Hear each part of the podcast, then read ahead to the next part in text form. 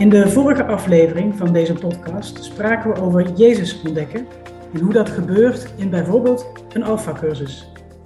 Vandaag gaat het over het opzetten van kleine geloofsgroepen in de missionaire parochie. Deze podcast is een initiatief van het Centrum voor Parochiespiritualiteit en katholiekleven.nl en samenspraak met de missionaire parochie. Vandaag spreken we met Hadewig Klaassen.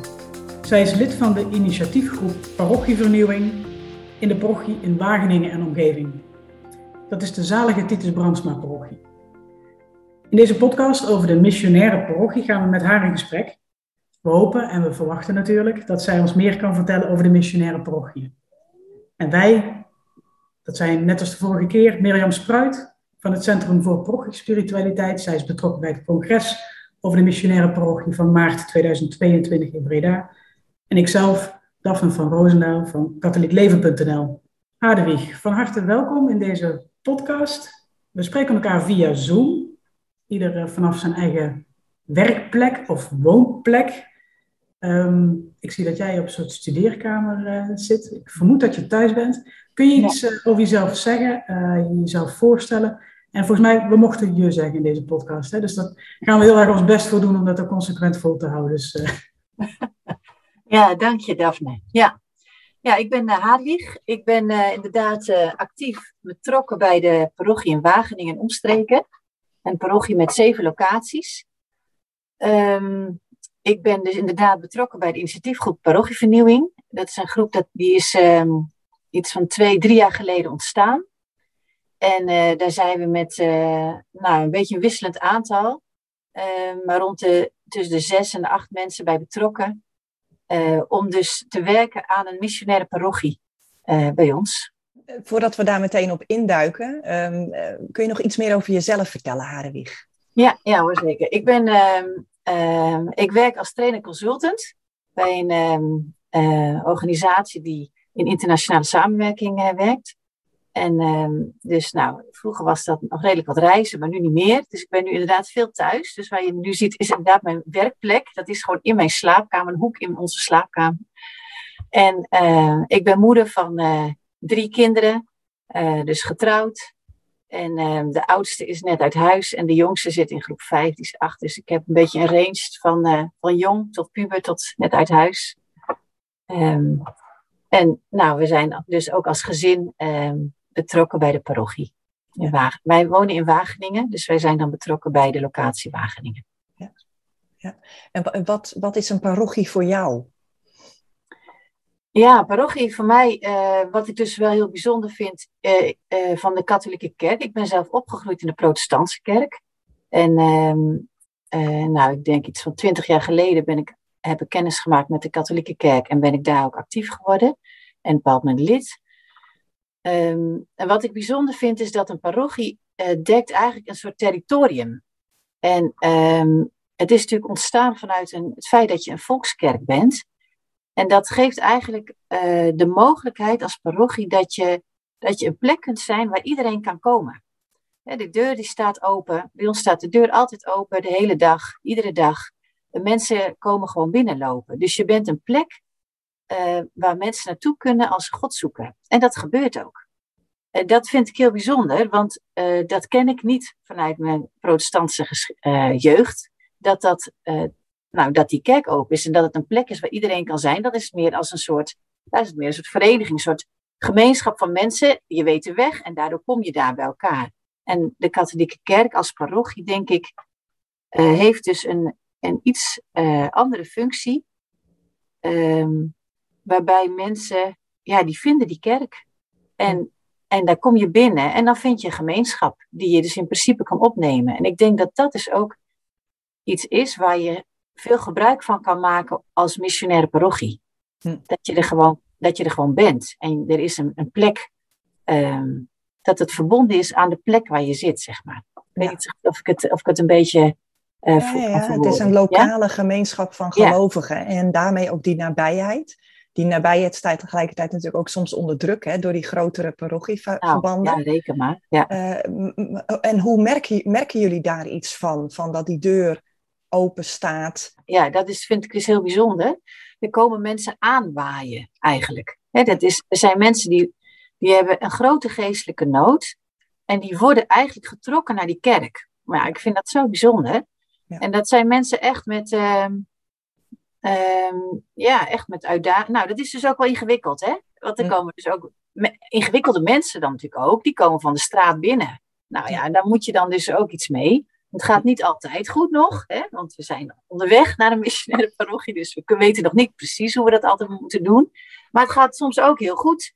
En dat iemand dus echt wel, wel goed binnenkomt en, en een weg vindt, waardoor hij dus eigenlijk ehm, ja, mensen ontmoet en op een bepaald moment in de alfa terechtkomt en uh, dan echt God leert kennen. Want omdat ze dus eigenlijk niet God kennen, uh, maar dus voelen, daar moet ik heen. En dan komen ze binnen. Ja, Jezus is daar natuurlijk. En dat voelen ze. Dat zijn dus ook mensen, omdat ze een geestelijke nood hebben, die voelen iets van de zegen en de vrede die binnen dat gebouw is. En dat vind ik dus ook heel bijzonder. Hmm. er is, het is echt een plek. Het is een fysieke plek hmm. waar Jezus is. En dat, uh, ja, dat is volgens mij heel uniek. Ja. Uh, ja. En, en wat is jouw, jouw droom dan voor de parochie? Ja, mijn droom is natuurlijk dat dat veel groter wordt. Niet dat er alleen een deur open staat en dat er af en toe iemand aanwaait. Maar dat, het, dat, dat de parochie, um, ja, dat dat gezien wordt in de maatschappij als een, als een heilzame plek. Als een plek waar je mag zijn. Als een plek waar, van waaruit veel goede dingen gebeuren. Dus waarin mensen naar elkaar omzien. Uh, waarin, van waaruit initiatieven worden ondernomen om juist er te zijn voor mensen die het minder makkelijk hebben, die kwetsbaar zijn. Ehm, ja, dat, je, dat je herkend wordt als zodanig. Hè? Dat er een gemeenschap is en dat mensen daarvoor gaan staan. Hmm. En, dat je, en dat je daar gewoon terecht kunt. En uh, zonder hmm. dat je lid hoeft te zijn. Hè? De afgelopen zondag sprak ik iemand die zei: Ja, ik dacht echt, ik moet naar de kerk. En uh, nou, we hebben nu, zijn nu begonnen met open deurmissen, dus laagdrempelige Eucharistieviering. Hebben een enorme uitdaging. Nou, en die was dan gekomen de vorige keer. En toen was er een moment geweest waarin we, gingen bidden voor onze buurman tijdens de voorbeden. En daar was ze zo door geraakt. En toen was ze naar de pastoor gelopen na afloop en zei ze: Nou, bij deze gemeenschap wil ik horen. En die heeft gewoon gezegd: gezegd Ja, ik, uh, ik, ik wil graag lid worden. Wat kan ik doen? Nou, dus die, is natuurlijk ook, die gaat dus nu ook meedoen met de Alfa en dan natuurlijk met zo'n uh, katholiek geloofscursus. Maar die, die zei ook: Ja, ik kwam binnen en ik dacht: um, mag, mag ik wel hier naar binnen? Want ik hoor hier eigenlijk helemaal niet bij. Toen dacht ik, ja, dat is dus wat we graag, wat natuurlijk anders moet worden. Dat ze weten, iedereen mag altijd komen. Je bent altijd welkom. Of je lid bent of niet lid, dat is allemaal niet zo belangrijk. Hmm. Maar er is, er is gewoon een, uh, ja, daar mag je zijn. Kom hmm. gewoon even langs. En, uh, want ja, het gaat niet om ons, het gaat om God. Ja. Wat doe jij nu om die droom waar te maken? Wat, wat is jouw bijdrage? Wat ervaar je als jouw roeping op dit moment? Ja, ik denk dat mijn, uh, mijn roeping is, uh, uh, ligt denk ik eh, meer in het openen van ruimte. dus we, hebben, we merken ook binnen de, binnen initiatiefgroep dat er, dat er verschillende, we hebben verschillende roepingen, verschillende nou ja, talenten ook, hè, dingen die, waar we goed in zijn. En, um, en sommigen zijn dus heel goed in het, in het organiseren van een alfa. Of het, uh, uh, uh, of het omzetten van het vormseltraject naar meer echt een, een, jongere, een jongere traject. En ik merk dat bij mij ehm, ligt meer de, um, de roeping of de uitdaging. Nou ja, goed, wat, wat er dan is, waar, waar kan ik mijn steentje bijdragen, is in hoe krijgen we um, ruimte binnen uh, onze eigen locatie en ook binnen de parochie, dus via parochiebestuur, maar ook met het pastoraal team. Daar, daar ligt nu mijn plek, zeg maar, om dat, dat te overleggen en om te kijken of we bepaalde dingen strategisch kunnen inzetten. Hè? Hoe kunnen we nou zorgen dat, um, dat we een cultuur van gastvrijheid gaan opbouwen? Uh, wat is daarvoor nodig? Um, en dus ook in overleg met, uh, met het pastoraal team, dus de pastoor. Bij ons is dat een pastoor en een diaken. Um, maar ook van, nou ja, wat is dan die lijn? Hè? Waar gaan we naartoe? Wat is onze visie? Waar moet het dan heen? Um, nou, en dat een beetje in de gaten houden en kijken van, oké, het lijkt erop dat we nu eigenlijk iets meer op dat terrein moeten doen. Wat kunnen we daarvoor doen? Nou, en dan helpen om dingen in gang te zetten. Ja, ja. En dan ondertussen, nou, en af en toe dan doe ik dan, doe ik, help ik mee met een online alfa bijvoorbeeld. Dan is daar iemand nodig. En omdat ik veel online werk voor mijn werk, heb ik daar dan een bepaalde gemakkelijkheid in. En dan, dan help ik daarbij. Maar dat zijn dingen die ik dan wel doe. Maar ik denk dat mijn bijdrage is echt meer die lange termijn visie. Mm. Ehm, wat betekent dat? Waar moeten we heen? Dat we reflecteren. Hé, hey, dit werkt niet.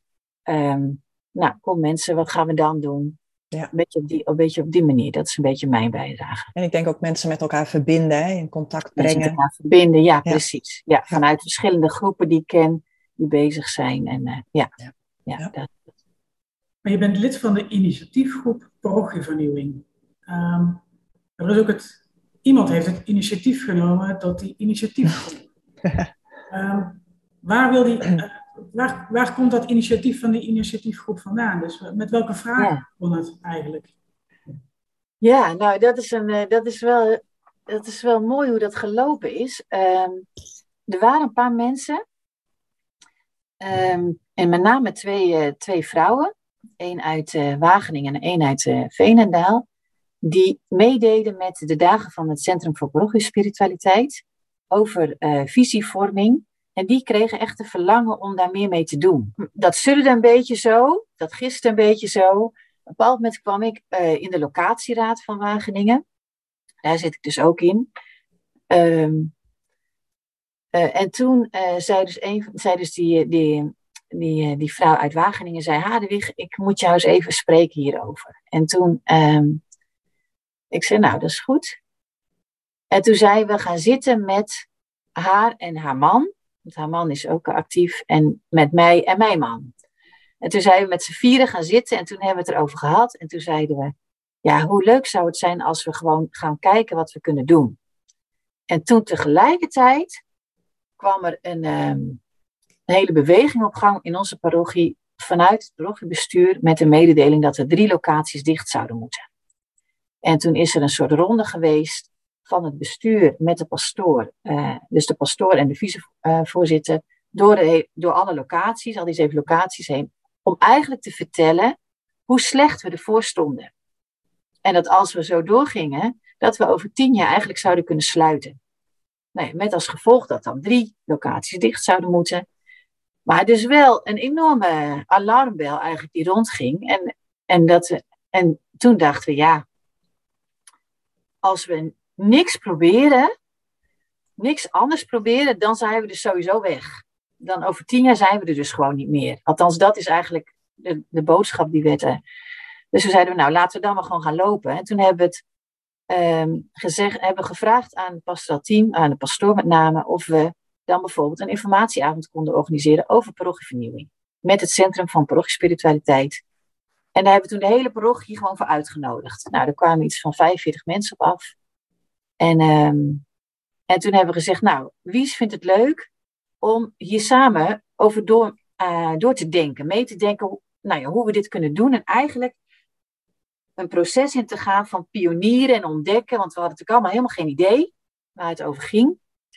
En toen is daar de initiatiefgroep uit ontstaan. Er zijn toen uh, iets van acht of negen mensen opgestaan. Die hebben zich aangemeld, of tien. Nou ja, uiteindelijk heeft, heeft het zich een beetje een soort van uh, organisch zich, eh, zich gevormd. En, ehm, en vanuit die groep is er toen, zijn er toen een paar um, lijntjes uitgezet en gezegd, nou, we gaan alfa proberen, we gaan kijken bij andere parochies waar al iets werkt, we gaan um, themabijeenkomsten doen.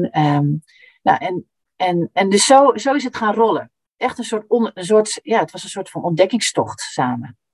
Mijn vraag gaat nog, nog één, uh, één stapje verder. Dus de, eh, die, die, twee vrouwen waar je over vertelt, die hadden behoefte aan, aan visie. Um, maar waar kwam dat verlangen uh, van, vandaan? Of waar, yeah. waar, waarop moest die visie een antwoord zijn? Dat zij zagen yeah. dingen gebeuren of, of niet gebeuren? Of... Ja, nou, het is wel, uh, dat heeft wel te maken met het feit dat um, dat ik denk dat de visie tot dan toe heel erg ging, vanuit de parochie, heel ging over het behoud van gebouwen. En veel minder over hoe je, uh, hoe je nou mensen kunt helpen om te groeien in geloof. En, uh, en ik denk dat daar een groot verlangen lag bij hen. Mm dat, dat ze natuurlijk om zich heen zagen dat daar grote behoefte aan is. Maar dat er eigenlijk geen instrumenten voor waren. Eigenlijk geen, hè, buiten het vormseltraject en het eerste communietraject, um, dat er eigenlijk niet veel meer is buiten dan de mis. Hè, dus waar je elkaar ontmoet. Maar nou ja, daarvan weten we natuurlijk nu dat dat, dat, dat helpt als je, uh, op een, als je al groeiend bent in je geloof, maar dat het vaak ingewikkeld is om via de mis echt um, ja, die eerste stap te kunnen zetten. Hè, mensen voelen vaak in de mis, voelen de Gods aanwezigheid, voelen daar iets van. Maar het echt weten nou ja, hoe je uh, kunt groeien in je leven om, uh, om leerling van Jezus te zijn, ja, dat, dat is natuurlijk heel ingewikkeld met een mis. En, um, en ik denk dat ze dat, dat dat verlangen in hun werd gelegd. Ik denk ook echt dat God dat in hen heeft gelegd. Dat, mm. Ik zie dat om me heen. We bidden nu heel bewust voor mensen, dat mensen opstaan om mee te, mee te gaan doen. Dat God mensen roept. En we zien het gewoon gebeuren. Dan komt er mm. iemand, denk ik, hé, hey, die is vastgeroepen, denk ik dan. Die, die, komt, die is vast uh, door die gebeden die we nu doen. Want ja, we merken het, dit is heel groot.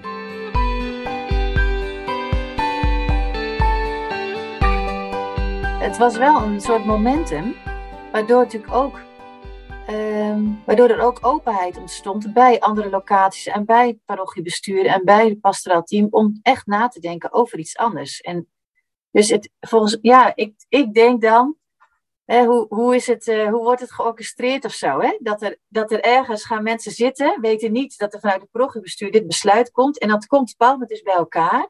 Hm. En dat was ook wel verwarrend, want, want mensen zeiden, hè, maar we hebben het nu over uh, uh, dat we dingen anders gaan proberen. En ondertussen gaan we sluiten. Moeten we dan niet even wachten met die sluiting en kijken wat die andere wegbrengt? Dus het was ook niet heel makkelijk of zo. Maar aan de andere kant merk je wel dat door de urgentie, dat mensen wel open gingen om daarover te praten. Om te kijken, kan het ook anders?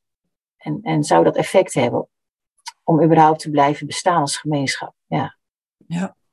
En, en uh, je vertelde net al een beetje, Hadewig, hè, dat jullie dus ook ook zoeken in de parochie naar manieren om mensen echt te helpen om te groeien in een geloof. Hè, die aanwaaien of in zo'n een viering binnenkomen.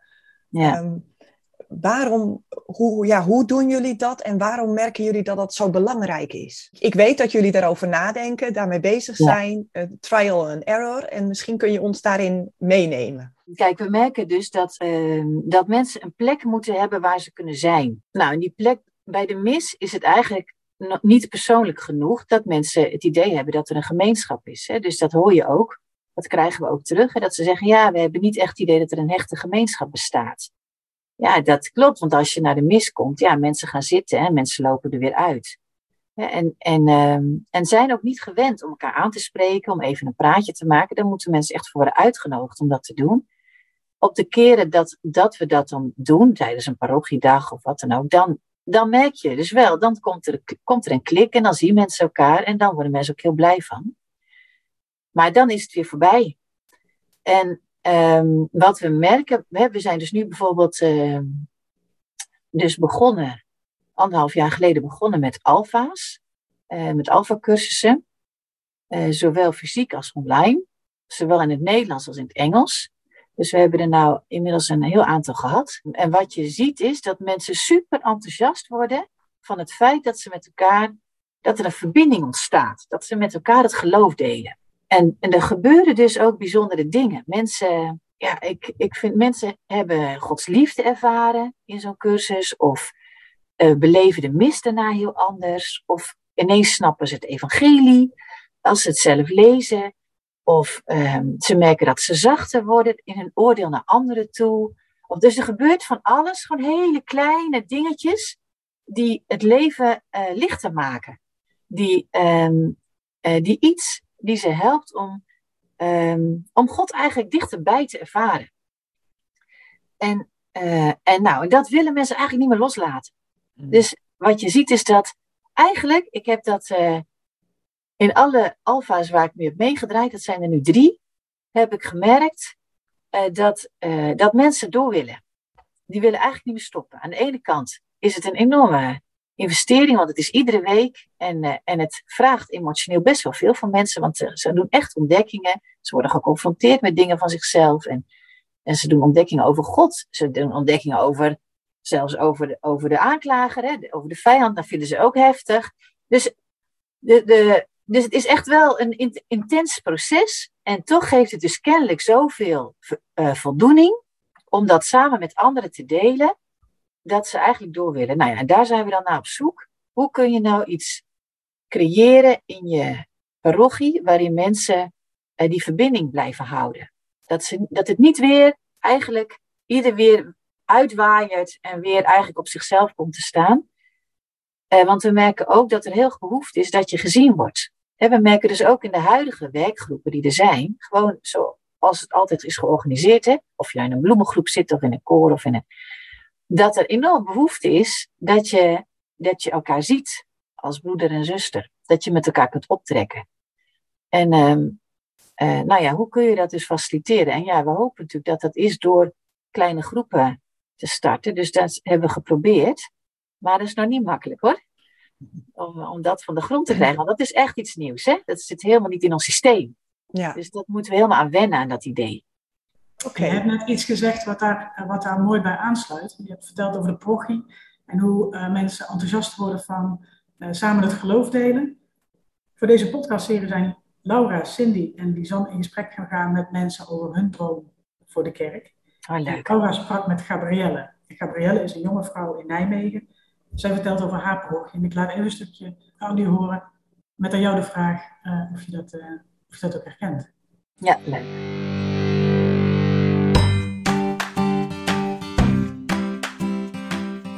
Samen het geloof beleven. Um, en dat is denk ik ook wel steeds belangrijker. Ja, geloven doe je niet alleen. Je hebt elkaar gewoon nodig.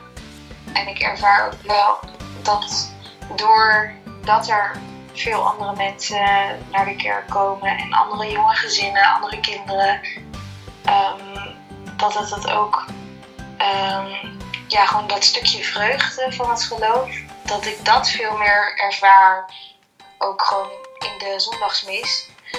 En dat ik dat ook heel fijn vind dat ik dat mijn kinderen mee kan geven. Uh, dat het vreugdevol is en niet gewoon alleen maar uh, wat, het beeld wat ik vroeger een beetje had bij de kerk, dat het uh, saai is. En um, ja, dat, zo ervaar ik dat nu totaal niet. En ik hoop dat, dat onze dochter um, ja, daardoor ook met plezier naar de kerk komt ja, en het geloof leert kennen. Ja, het is heel herkenbaar. We hebben natuurlijk ook drie kinderen. En uh, het is niet altijd makkelijk geweest om, uh, ja, om, hem te, om hem mee te nemen naar de kerk. Ja, omdat natuurlijk de kerkdienst, of de, ja, de vieringen zijn niet altijd aantrekkelijk uh, voor, voor kinderen of jongeren. Nu hebben we in, de, in Wageningen specifiek hebben we ook een internationale mis, waar um, internationale mensen samen koortjes vormen en een Afrikaans koor en een dus dat is dan weer, dat geeft, alleen de muziek al geeft zo'n andere sfeer in zo'n viering, waardoor uh, ook de kinderen het veel beter volhouden en ook, de, ook een beetje blij van worden. Maar wat ik, we hadden, uh, dit afgelopen najaar hadden we, zijn we begonnen met open deurmissen. Om te kijken of we een Eucharistieviering heel laagdrempelig kunnen maken. Waarin dan dus de muziek uh, vrolijk is. waarin um, uh, wanneer de taart is na afloop van de viering, waarin uh, nou, voor alles klaargezet wordt en mensen uh, worden welkom geheten. En, nou, en ik had natuurlijk gevraagd ook of uh, mijn dochtertje van acht, nou die wilde dan mee bij alle voorbereidingen. En we hadden ook in het najaar nog de viering van, uh, van onze pastoor, die 25 jaar pastoor was, waarin we ook iets dergelijks, nou helemaal groots hadden gedaan. Nou, en ik, er was na een van die vieringen dat, dat mijn dochtertje van acht zei, oh mam, als het nou iedere week zo was, oh, dan ging ik met zoveel plezier naar de kerk. Toen dacht ik, ja, dit is het dus. Hè, dat gewoon die vreugde en het dus erbij kunnen horen. Want zij werd ingezet voor allerlei dingen, samen met een paar anderen, om mee te helpen, om het te versieren of om het taart klaar te zetten of om de boekjes uit te delen. Of, dus het samen dingen doen, het gemeenschap zijn, het mensen verantwoordelijkheid geven van klein tot groot. Dat geeft dat je erbij hoort en daar word je blij van. dus dan, je kunt iets doen voor de ander en je kunt de ander laten merken, hé, wat leuk dat we hier zijn. Nou, dat is dan met een commentator, een jongere, die dan zegt in de, aan het einde van de viering, oh mensen, ik word zo blij als ik zie, als ik u allemaal hier zie zitten. Want er komen heel veel mensen naar die viering zitten, met 180 mensen, dat was net even geen anderhalf meter. Nou, dan ineens is het helemaal vol, allemaal jongeren en kinderen. En dan denk je, ja, dit is eigenlijk uh, wat je iedere zondag zou willen zien en zij was gewoon helemaal geraakt als commentator dat ze daar vooraan stond. En ze deelde dat even zo met de mensen. En je voelde door die hele gemeenschap ging even dat gevoel van, ja, wat bijzonder, wat leuk eigenlijk dat we hier zo samen zitten. En daarna, nou, het slotlied ging iedereen heel hard meezingen. Ik dacht, ja, dat is het dus. dat, dat je die vreugde met elkaar deelt. Dat het zo, het is, want we hebben een hele toffe God. wat, laten we dat samen vieren. Nou, dat komt dan even zo omhoog. En dat voelt dan zo'n kind, hè, die dat dan zegt. Nou, dit was een leuke viering, man. Zo, mhm. zo wil ik het volgende week ook wel weer. Mm. Ja, herkenbaar, super herkenbaar, ja. Misschien kunnen we toch nog even teruggaan, want ik ben toch wel even benieuwd naar die kleine groepen ook, bij jullie in de parochie. Ja. Omdat je ook zei van, we zoeken naar manieren om ja, mensen verder te laten groeien, om een bepaalde ruimte te creëren. Hè? Ja. Maar je zei ook van, het is nog niet zo makkelijk. Nee, nee, het is niet zo makkelijk. En wat is het? Zijn het hele praktische dingen? Is het tijd? Is het... Uh, ja, het is een... Uh, ja, waar, uh, ja, waar lopen jullie tegenaan? Nou, het is een, een combinatie van dingen, denk ik. Het is, en mensen zijn niet gewend om bijvoorbeeld wekelijks of twee wekelijks bij elkaar te komen voor, voor je geloof. En mensen hebben volle levens, drukke levens. Dus die moeten wennen aan het idee kijk, ze doen het voor de Alpha-cursus, dus dat helpt. Dan merken ze, oh, dit is de moeite waard. dus, nou, dan, dus die mensen weet je, nou, die weten dat het de moeite waard is om, om door te gaan. En toch, we hebben bijvoorbeeld één Alpha-groep die doorgegaan is naar de Alpha.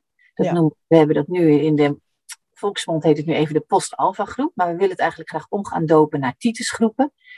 En um, en dat heeft eigenlijk een jaar geduurd voordat het zich een beetje gezetteld heeft. Natuurlijk ook corona heeft allemaal niet geholpen, want dan konden we niet makkelijk bij elkaar komen, moesten het half online. Sommige mensen vinden dat niks. En nou, nu kom, en, maar nu zie je dus wel, dat is wel een, een vaste groep nu, uh, van mensen die nu toch weer vragen van, hé, hey, wanneer komen we weer bij elkaar? En die het dus missen als het dus nu niet gebeurt. Dus je merkt, het heeft ook tijd nodig um, dat mensen een soort van de waarde van gaan ontdekken. Uh, wat de waarde ervan is dat je elkaar regelmatig ontmoet en te delen over hoe je eigenlijk Jezus, uh, hoe je eigenlijk leerling van Jezus probeert te zijn in je dagelijks leven. Want dat is wat ik merk, dat de kleine groepen, uh, wat dat brengt, is vooral dat. we hebben ook gedacht, is het verdieping, hè, dus een soort um, toerusting. Maar we hebben gemerkt dat, dat de behoefte aan toerusting heel verschillend is per persoon. Er is de een die die is, heeft heel erg behoefte aan gewoon het evangelie lezen en snappen wat er staat. En de ander wil graag heel theologische dingen, discussies aangaan over thema's of een, of een uh, filosofisch boek samen behandelen. Nou, dat vindt een ander dan weer te ingewikkeld. Dus je merkt dat um, dat, dat eigenlijk niet echt in zo'n kleine groep past, maar wel de hele praktische dingen uh, gewoon hebben over, um, kunnen wij dat? 7 maal 70 keer vergeven. Of uh, niet oordelen. Uh, hè, hoe doen we dat? Waar lopen we dan? Is dat ingewikkeld? Waarom is dat ingewikkeld? Um, nou ja, lukt het ons om dagelijks een moment voor God vrij te maken? Gewoon de hele praktische dingen die je, die je meemaakt en hoe je dingen ziet, wat er gebeurt in je leven en hoe dat staat in relatie tot het evangelie, in relatie tot Jezus. Um, nou, eigenlijk een beetje hoe je wordt uitgedaagd door Hem om je leven in te richten. En, en daarnaast merken we, moeten we eigenlijk dus een soort toerustingstrajecten hebben, die, waarbij mensen eigenlijk zoeken naar hun eigen behoeften, hoe ze, nou ja, waar zij op dat moment aan toe zijn. Wat, wat hun, om, om echt een soort van verdieping in, misschien meer in kennis, in, in, in bepaalde concepten of, uh, nou ja. Beetje op die manier. Ik weet, snap je een beetje wat ik bedoel? Ja, ik snap wat je bedoelt. Dat die groep, die kleine groep, is meer het, het, het leven met elkaar delen. Misschien ook de zorg voor elkaar, het omzien. Ja. En Ja. daarnaast eigenlijk vormingstrajecten op basis van iemands behoeften. Ja, Ja, ja, we merken dat we daar eigenlijk een scheiding waarschijnlijk in moeten maken. Dat is natuurlijk wat we nu een beetje uitvinden. Ehm, en, wat, nou ja, en waar we toe worden uitgedaagd. We zijn eh, op weg eh, met een organisatie die het Nederland zoekt.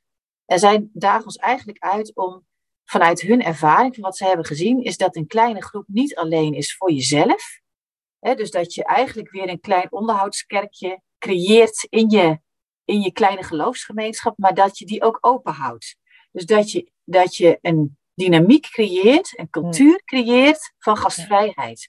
Waardoor je dus ook mensen eh, kunt uitnodigen. Misschien niet iedere week of iedere twee weken, maar misschien voor een bepaald moment dat je iets samen wilt ondernemen. Hè, dat je zegt, nou met kerst willen we graag, ehm, willen we graag erwtensoep uitdelen of zo. En dan gaan we dan een paar vrienden voor uitnodigen die wij in ons eigen netwerk hebben, die het misschien leuk vinden om dat ook te doen. En dat je gewoon samen dat, zo'n initiatief even met Hmm. met meerdere mensen, waardoor je dus ook, ehm, ze zeggen, je, de dynamiek in de groep, die blijft als je, als je ook open blijft. Nou, dat Ja. heeft ook de huidige groep gedaan. Hebben ze iemand nieuw uitgenodigd die niet bij hun alfa zat, maar bij een andere. Nou, en dat geeft weer een nieuw, eh, nieuwe dynamiek. Ja. En dat brengt ook weer nieuwe inspiratie, een nieuwe energie in de groep. Je sprak over titersgroepen die jullie in de In een van de audioclips eh, gaat het ook over een soort van. eh, gaat het ook over groepen mensen die samen met elkaar optrekken. En eh, dat zijn Magnificat 90 groepen. Lisanne heeft Chiara geïnterviewd en zij vertelt daar iets over. Het zijn kleine groepjes vrouwen die dan 90 dagen met elkaar optrekken om te groeien in geloof.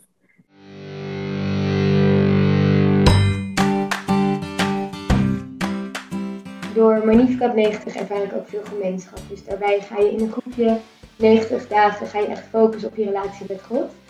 En dat doe je echt samen als groepje en daar ervaar ik veel gemeenschap. Nou, daarom ben ik heel erg aan het ervaren dat God een best wel specifieke roeping voor me heeft. Waarin we juist proberen om die lokale gemeenschappen op te zetten. Dus bij Magnificat 90 is er, eh, ga je 90 dagen met behulp van een boek ga je je verdiepen in je relatie met God. En, ehm, en daarbij zoek je zelf je groepje bij elkaar. En dat zien we nu ook heel erg gebeuren. Dus er zijn nu net mensen, mensen gestart, 200 vrouwen in Nederland en, en België, verdeeld over ruim 30 groepen. En zo zie je, dit zijn echt de lokale gemeenschappen. En nu voel ik me heel erg geroepen om zeg maar, in hen te investeren, zodat zij lokaal kunnen gaan investeren waar zij zijn. Zelf heb ik nu niet één lokale plek, maar juist de mensen lokaal wel laten groeien.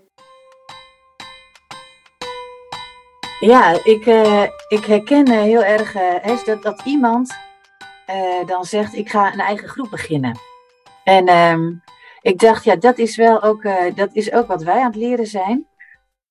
Groepen zijn niet hetzelfde. Dus we hebben nu ehm, vanuit dus de, de oproep of mensen een groep willen vormen, is dus die ene post-alpha groep ontstaan. Dus dat zijn mensen die hebben de alpha gedaan willen door.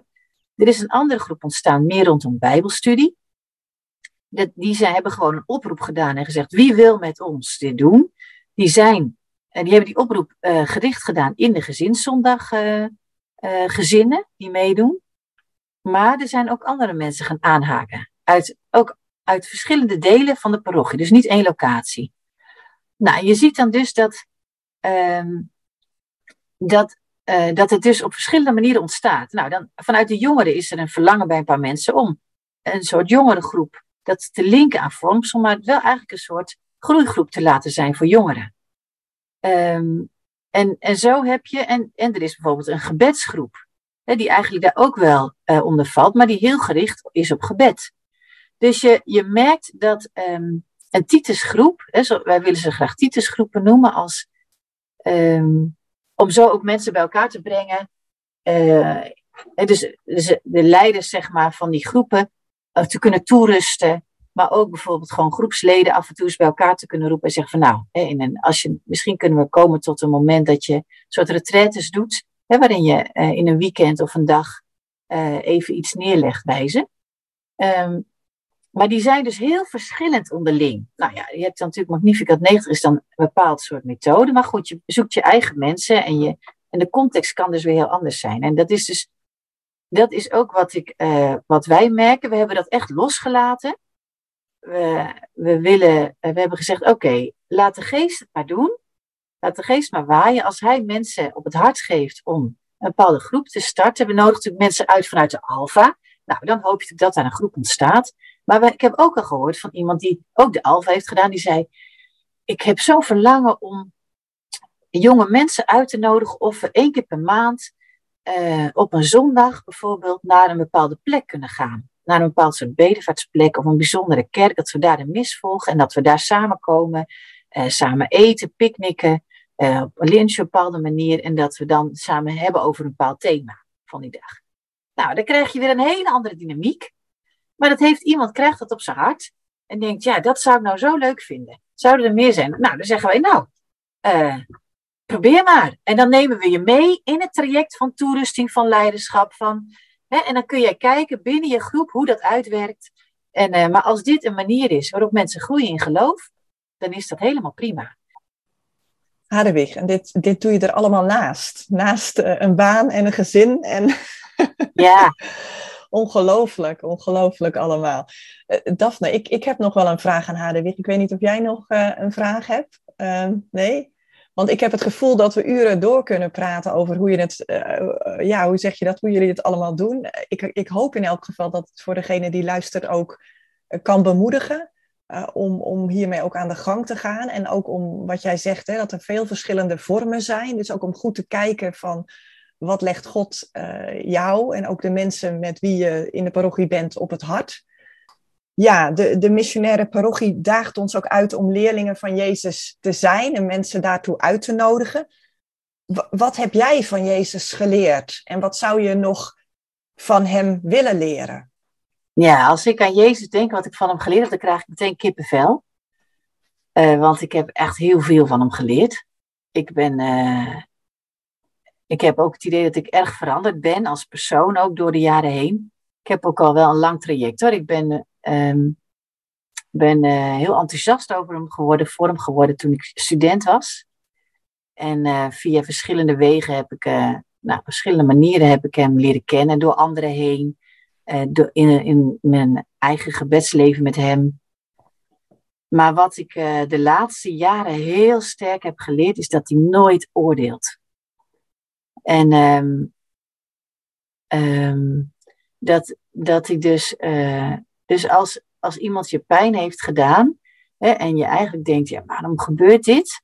Dat, er dan, dat ik dan dus, um, dat ik dan mag zien waarom, waarom iemand dat doet. En dus, het is nooit, het is nooit te veroordelen. Het is altijd een soort van verklaring. Nou ja, het is daarom. En het is niet aan jou om dan te denken, dit is goed of slecht, of uh, dat moet ik aan God laten, tussen God en die persoon. En, um, en dat gaat, maar dat gaat dus ook naar mij toe. Want ik ben best wel zelfkritisch. En uh, nou, daar kan ik best wel ook wel eens onder gebukt gaan. Dat ik vind dat ik dingen niet goed doe. Dat ik dingen beter moet. Ik kan altijd alles beter doen dan dat ik het doe. En, en dat Jezus ook mij niet veroordeelt. En dat hij mij ook accepteert zoals ik ben. Nou, dat, daar heb ik wel nu een paar hele diepe momenten over gehad in de afgelopen jaren. En dat ook door de parochievernieuwing heen. Want dit is wel een heel diep proces. Dit, dit raakt je in je wezen. Want dit raakt je in je geloof, dit raakt je waar je voor staat, dit raakt je um, ja, waar, op de manier waarop jij je leven wil inrichten. Um, nou, en dat, en dat brengt strubbelingen met zich mee. Um, binnen de parochie, met andere mensen. Daar ben je zelf naar op zoek. Je schiet zelf tekort. En, en dan, als je dan teruggaat naar Jezus, dan, dan merk je, oh ja, hij, hij, hij oordeelt mij niet. het is ook, uh, dan zegt hij, nou, heel goed Hadwig, bied je mij excuses aan en we gaan weer verder. Nou, en dan uh, denk je, oké, oké, nou, we gaan weer verder. Nou, en dan sta je weer op en dan ga je weer.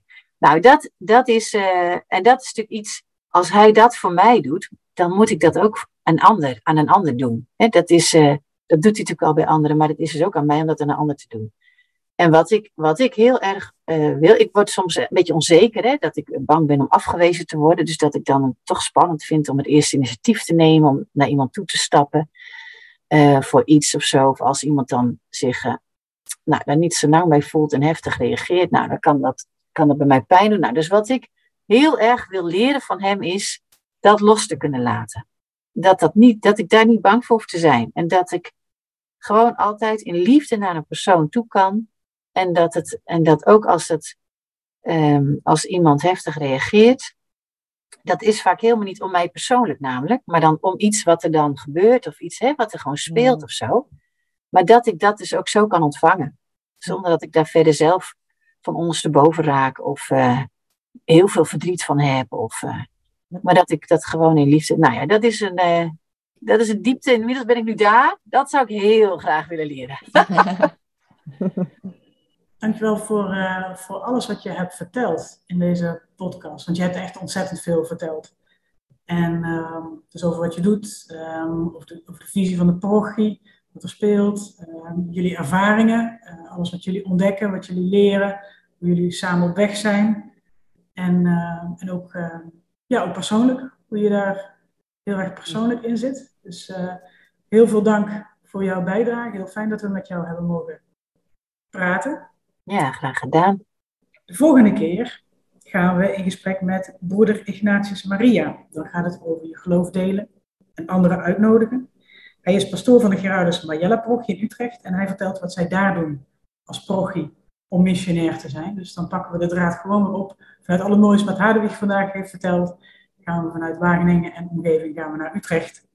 Hij vertelt over dingen die goed gaan en dingen die nog niet goed gaan. Nou, dat is heel herkenbaar, denk ik. En wat je daarvan kunt leren als leerlingen van Jezus. Het laatste woord in deze podcast is aan Melle. We hebben nog een mooie audioclip. Um, Cindy heeft met hem gesproken en Melle is student aan de priesteropleiding van het Bisdom Haarlem Amsterdam. Hij vertelt over zijn droom voor de parochie, wat hij belangrijk vindt voor de toekomst. En daar sluiten we graag.